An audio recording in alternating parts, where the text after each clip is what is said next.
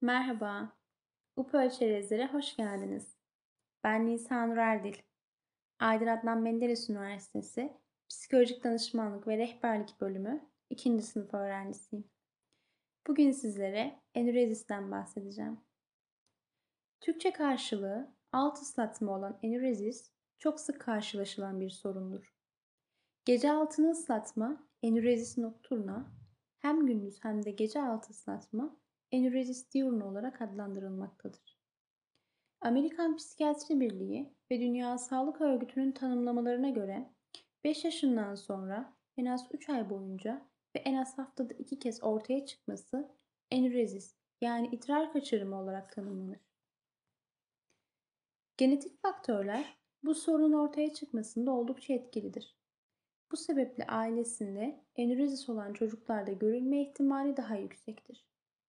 Sorun kişinin ağır uykusundan kaynaklanabileceği gibi mesanesiyle ilgili bir problemden, vücut sıvı dengesini düzenleyen hormonların salınımından veya çeşitli psikolojik etkenlerden kaynaklı olarak ortaya çıkabilmektedir. Bunların yanı sıra çocuğa gerekli yaşta doğru tuvalet eğitimi verilmemesi, yaşı büyük olduğu halde bez bağlamaya devam edilmesi veya ailedeki boşanma, yeni kardeşin olması, düzenin değişmesi, aşırı koruyucu ya da kaygılı ebeveyn tutumu gibi faktörler de enürezise yol açabilmektedir.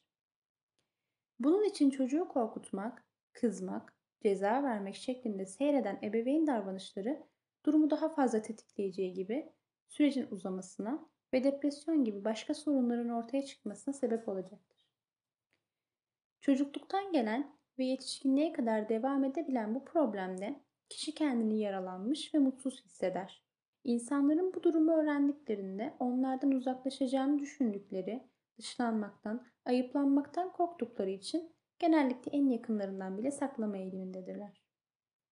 Hastalığın tedavisinde eğer temelinde ürolojik bir sorun yoksa birey kesinlikle bir ruh sağlığı uzmanından psikolojik destek almalıdır.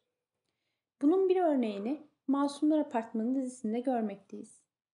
Dizideki Gülben karakterinin geçmiş yaşantılarına baktığımızda baskıcı bir aile ortamında büyüdüğünü görmekteyiz. Annesinin öfke kontrol bozukluğuyla korku ve kaygı dolu bir çocukluk geçiren Gülben, annesinin ölümüyle de yine çocukken yüzleşiyor. Annesinin ölümünden sonra hayatı ablasının takıntılı, öfkeli ve aşırı korumacı davranışlarıyla daha da zorlaşıyor.